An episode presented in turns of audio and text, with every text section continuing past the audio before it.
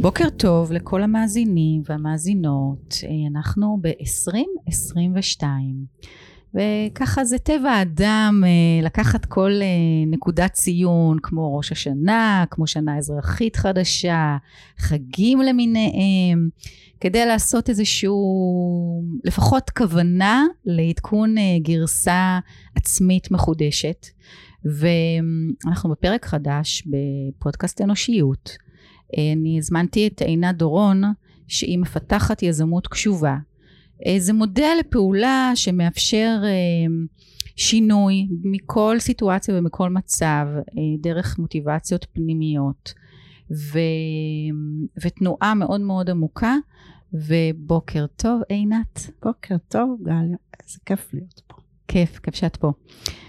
אני רוצה ככה אה, לדבר איתך בפתח השנה החדשה על נושא של יזמות, כי אני חושבת שהתקופה והעידן המשובש שאנחנו נמצאות בו, אה, שהשינוי הפך להיות הדבר הכי יומיומי ברמה שאנשים נסעו לחו"ל, ותוך כדי הנסיעה הודיעו להם שהם חוזרים לבידוד. כאילו, כל הזמן מזיזים את הגבינה.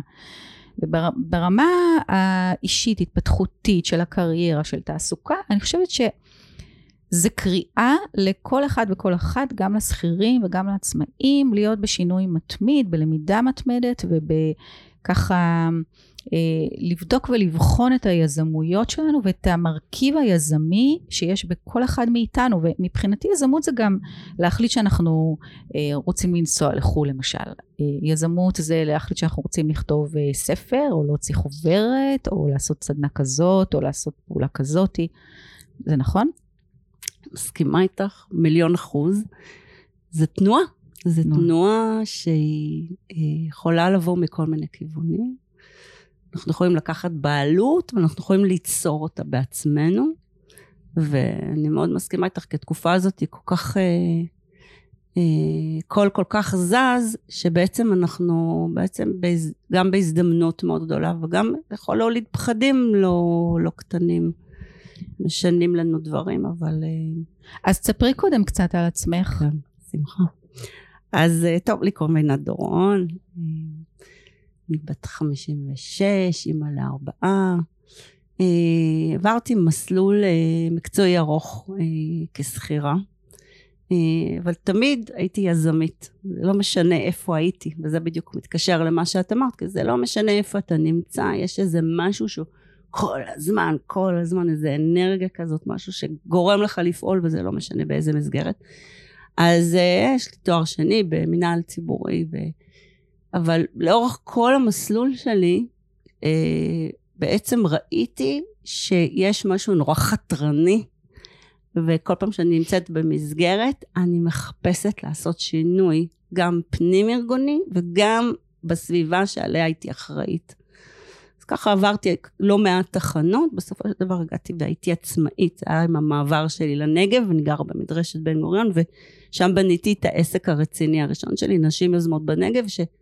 בעצם יש לו שם של עמותה, וזה, וזה היה לטובתו, כי הוא באמת עשה דברים מאוד מאוד משמעותיים וגדולים בקידום של תעסוקה איכותית של נשים, ושם בעצם התחלתי לחקור את מה מזיז אותי, את מה מניע אותי. התחלתי לפתח את הגישה שנקראת יזמות קשובה, שאיתה זה עכשיו רק מה שאני עושה. מה זה אומר יזמות קשובה? כן, אז אה, זה התחיל בזה שראיתי שכל פעם עולים לי רעיונות, והרעיונות שעולים לי הם, אני כאילו הולכת ועושה אותם, אבל בתהליך שאני מבצעת אותם יש משהו שהוא נורא נורא רגשי. זה לא משהו שאני רואה בחוץ, זה אומרת כדאי שאני אעשה כך וכך, אני קוראת לזה יזמות חיצונית.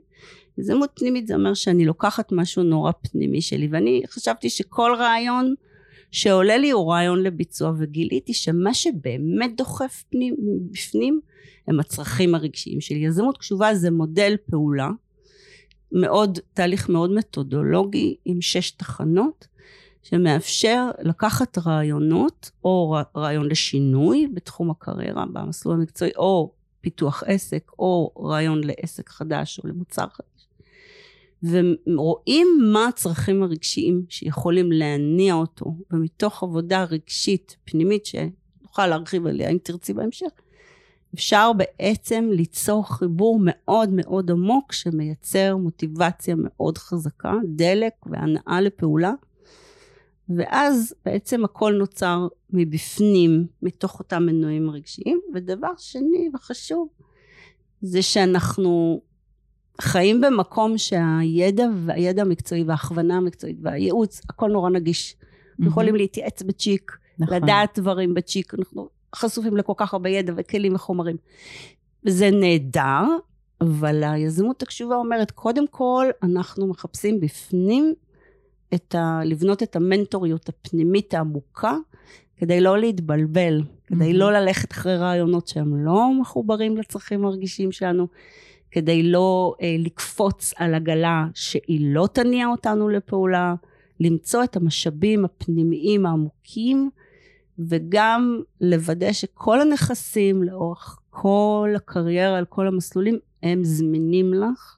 אנחנו הופכים נכסים לזמינים, משאבים אבודים לזמינים, מזהים צרכים רגשיים, יש שם מודל שלם.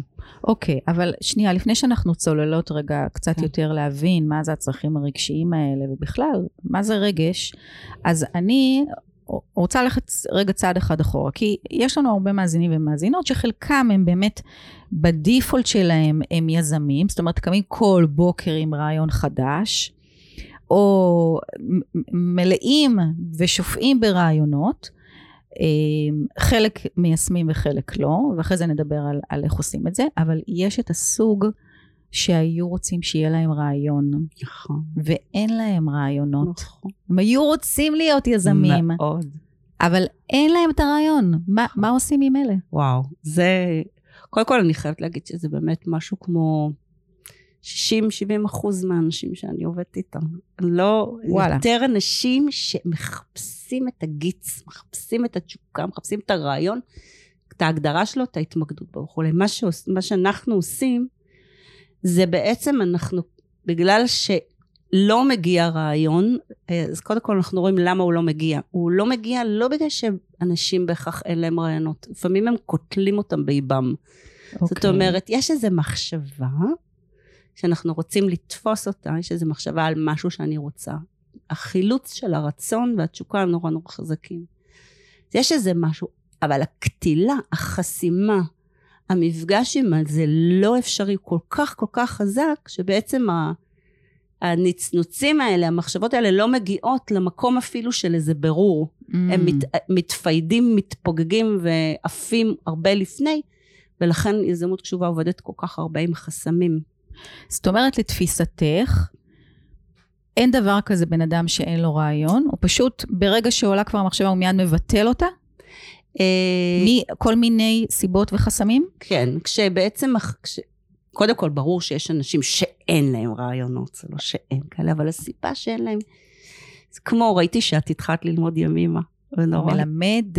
מלמדת, לומדת וואו. המון המון שנים. אז אני ראיתי את זה, וואו, אז, אז נורא מלמדת. כיף, כי אני למדתי ימימה כמה שנים טובות.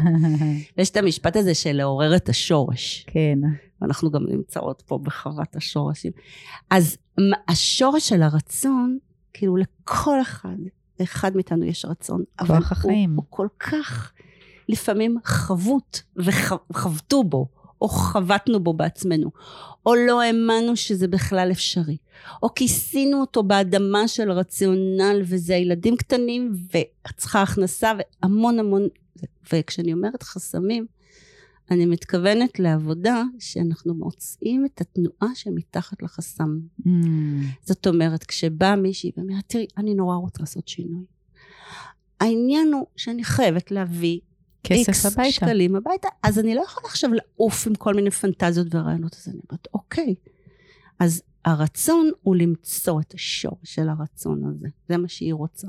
אוקיי. והיא חוסמת את זה בגלל אילוצים. אז מה שאנחנו עושים, שזה כלי כבר ממש, אנחנו עוברים מהחסם החיצוני, להבין את האמונה, לרדת לחסם הפנימי, ושם יורדים לצרכים.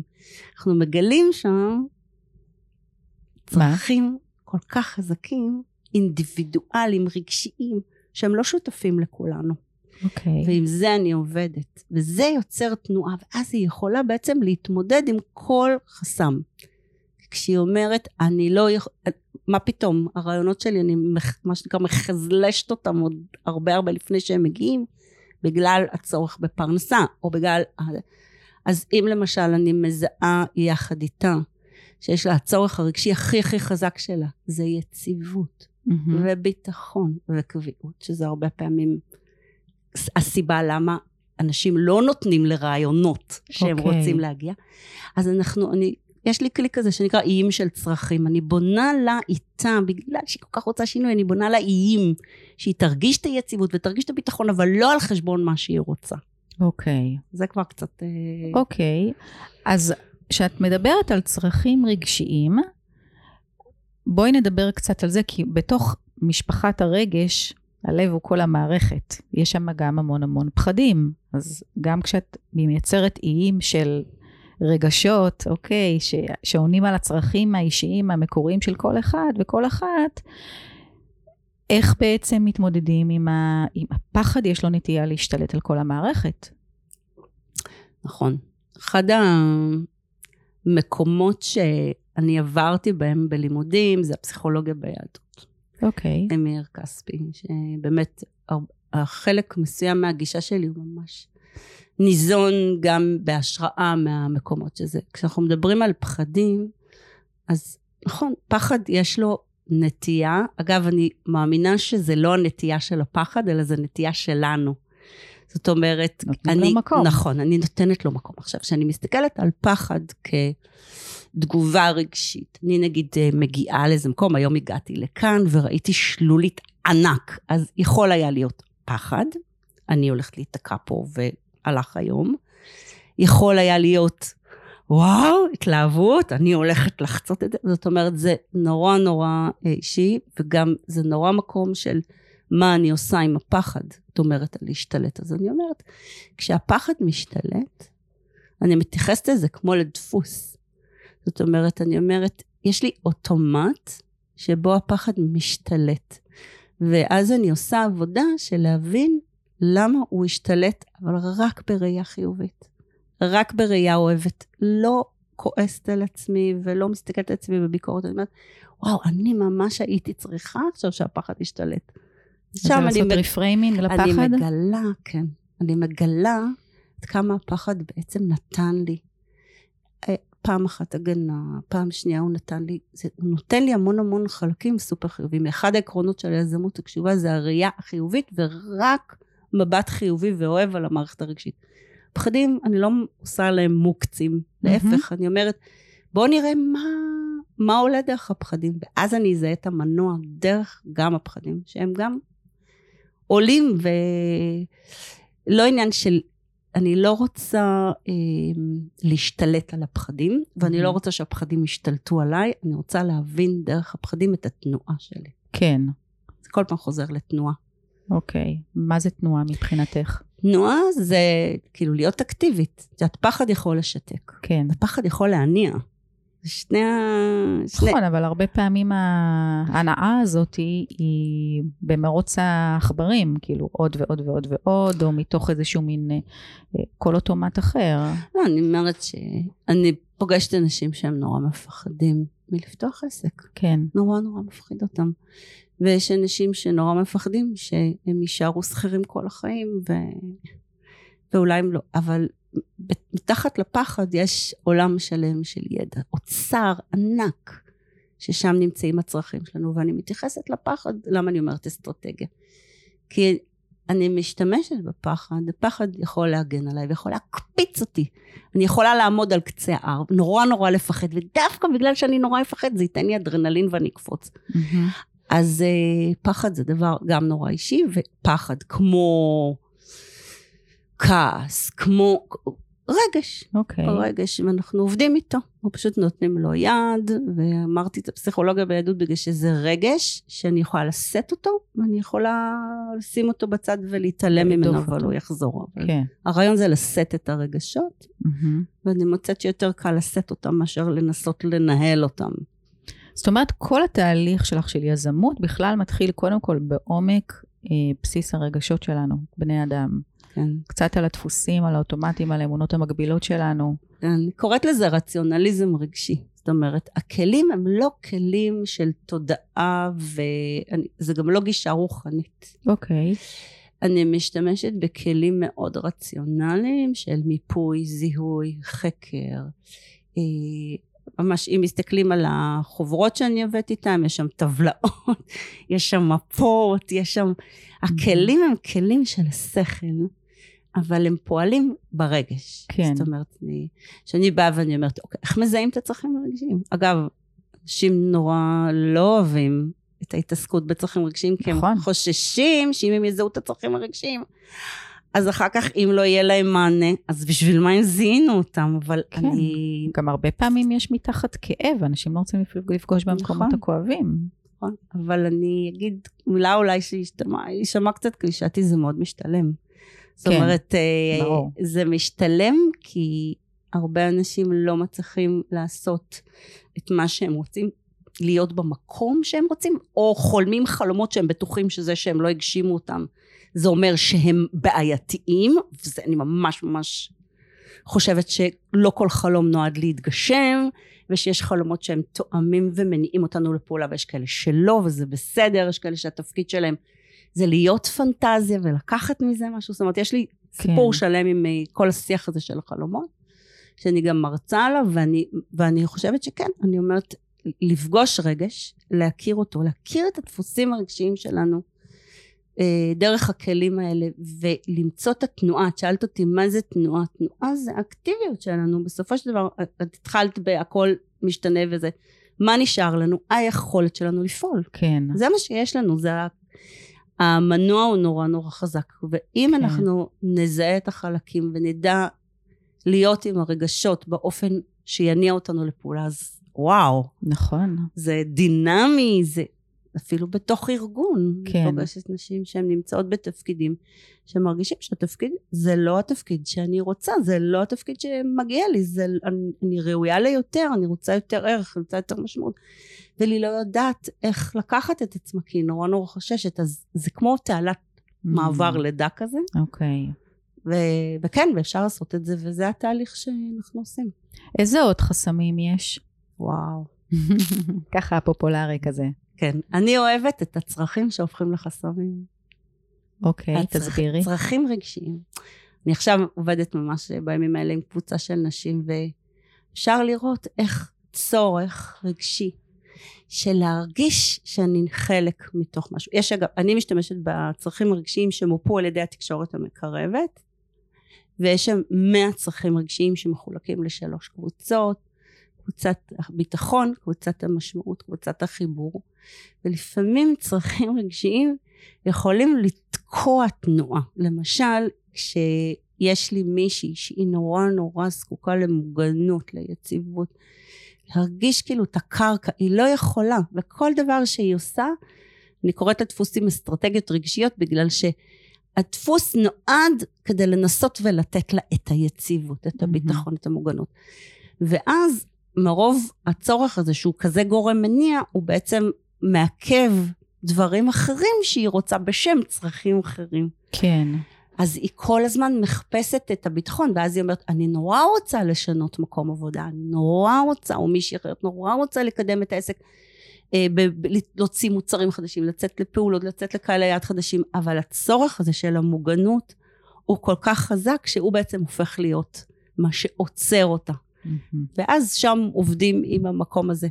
אה, אני רק אגיד שהסיבה שאני נטפלתי לצרכים הרגשיים, כן. זה מתוך סיפור החיים שלי, שאני לא יודעת אם את רוצה, או אם יש מקום לתת לו מקום, אבל כאילו הוא, הוא ממש לימד אותי מאיפה אני מקבלת את ההחלטות, ואיך ההחלטות האלה היו הכי נכונות לי, ו, והבנתי שצרכים רגשיים, להבדיל אז מרצונות, בואי תספרי, כי כן? אני חושבת שאפשר דרך, אה, אם יש במקום זמן, הכותרת הזאת, אז קצת להסביר את זה שאנשים יבינו, יוכלו כן. לקחת את זה לחיים של עצמם.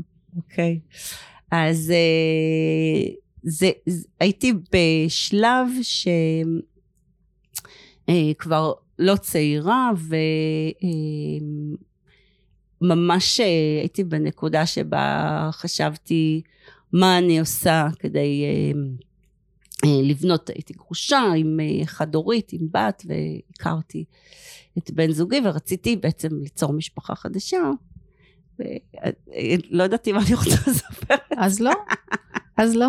לא, זה מחזיר אותי. אז אני רק אגיד לא. שאיזשהו צומת שהייתי בה, של לקבל החלטה האם לוותר על, אה, על היכולת או על הכניסה להיריון שלי אל מול לעשות אה, מהלך אחר והחלטתי שאני מוותרת והלכנו אה, ויצרנו, עשינו פונדקאות בחו"ל וחזרתי אחרי שהפונדקאית הצליחה והרתה עם תאומים ואני חזרתי לטיפולים.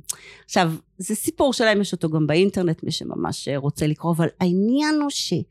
משהו בהיפוך החלטה שלי, משהו שאני מוותרת, אני הולכת עם, הס, עם הפרויקט בהודו, טה-טה-טה-טה, והמקום הזה, ופתאום אני מתהפכת לגמרי ואומרת, לא, אני לא מוותרת.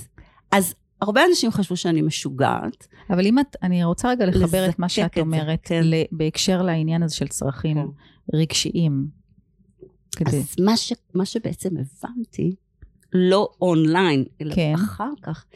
הבנתי כמה הייתי קשובה okay. אוקיי. לצרכים שלי. זאת אומרת, צרכי המשפחה, הנה, יש משפחה, יש תאומים פה, והכל בסדר. Okay. לא אוקיי. צריך גם את ההיריון שלי, כן? כן. זה לא must. כן. אפשר לוותר, העיקר זה. החזרה שלי, אה, ראיתי שהצורך הרגשי שלי הוא זה שדחף אותי לחזור, והצורך היה גם האוטונומיה שלי, של okay. אוקיי. צורך רגשי מאוד חזק שלי, וגם איך אני מתחברת לפרויקט הזה. אני לא ראיתי, כאילו הייתי זקוקה uh. ממש לחוליה okay. אוקיי. מתוכי שתחבר אותי, כי אני לא, לא, לא מצאתי דרך אחרת, ואני נורא שמחה. Okay. יש לנו אוקיי. היום שלישייה, אבל העניין הוא ש, שמשהו בא, אני זוכרת את הבוקר הזה שנסעתי מה, מההחלטה הזאת, אז כשחזרתי לרגע הזה הבנתי מה, מה הוביל אותי לעשות את זה? וראיתי שזה שום דבר חיצוני. Okay. אוקיי. שום דבר שלא קשור. לא רציתי לעשות עוד אח לתאומים. כן, כן. זה היה מנוע כל כך מדהים. פנימי שלי, וואו. שלא יכולתי לוותר, והוא לא קשור לתוצאה. כן. גם אם התוצאה לא הייתה טובה. כן. משם התחיל בעצם המחקר, מה דוחף אותנו כל הבנתי. כך כל כך חזק. אוקיי, אז זה, זה יפה הדוגמה הזאת. כן. ו, אה, קשה לי קצת לחזור לשם, כי גם זה היה מזמן, כן, וגם... אבל בסדר, זה, זה אפשר דרך זה להבין כן, למה את מתכוונת. כן.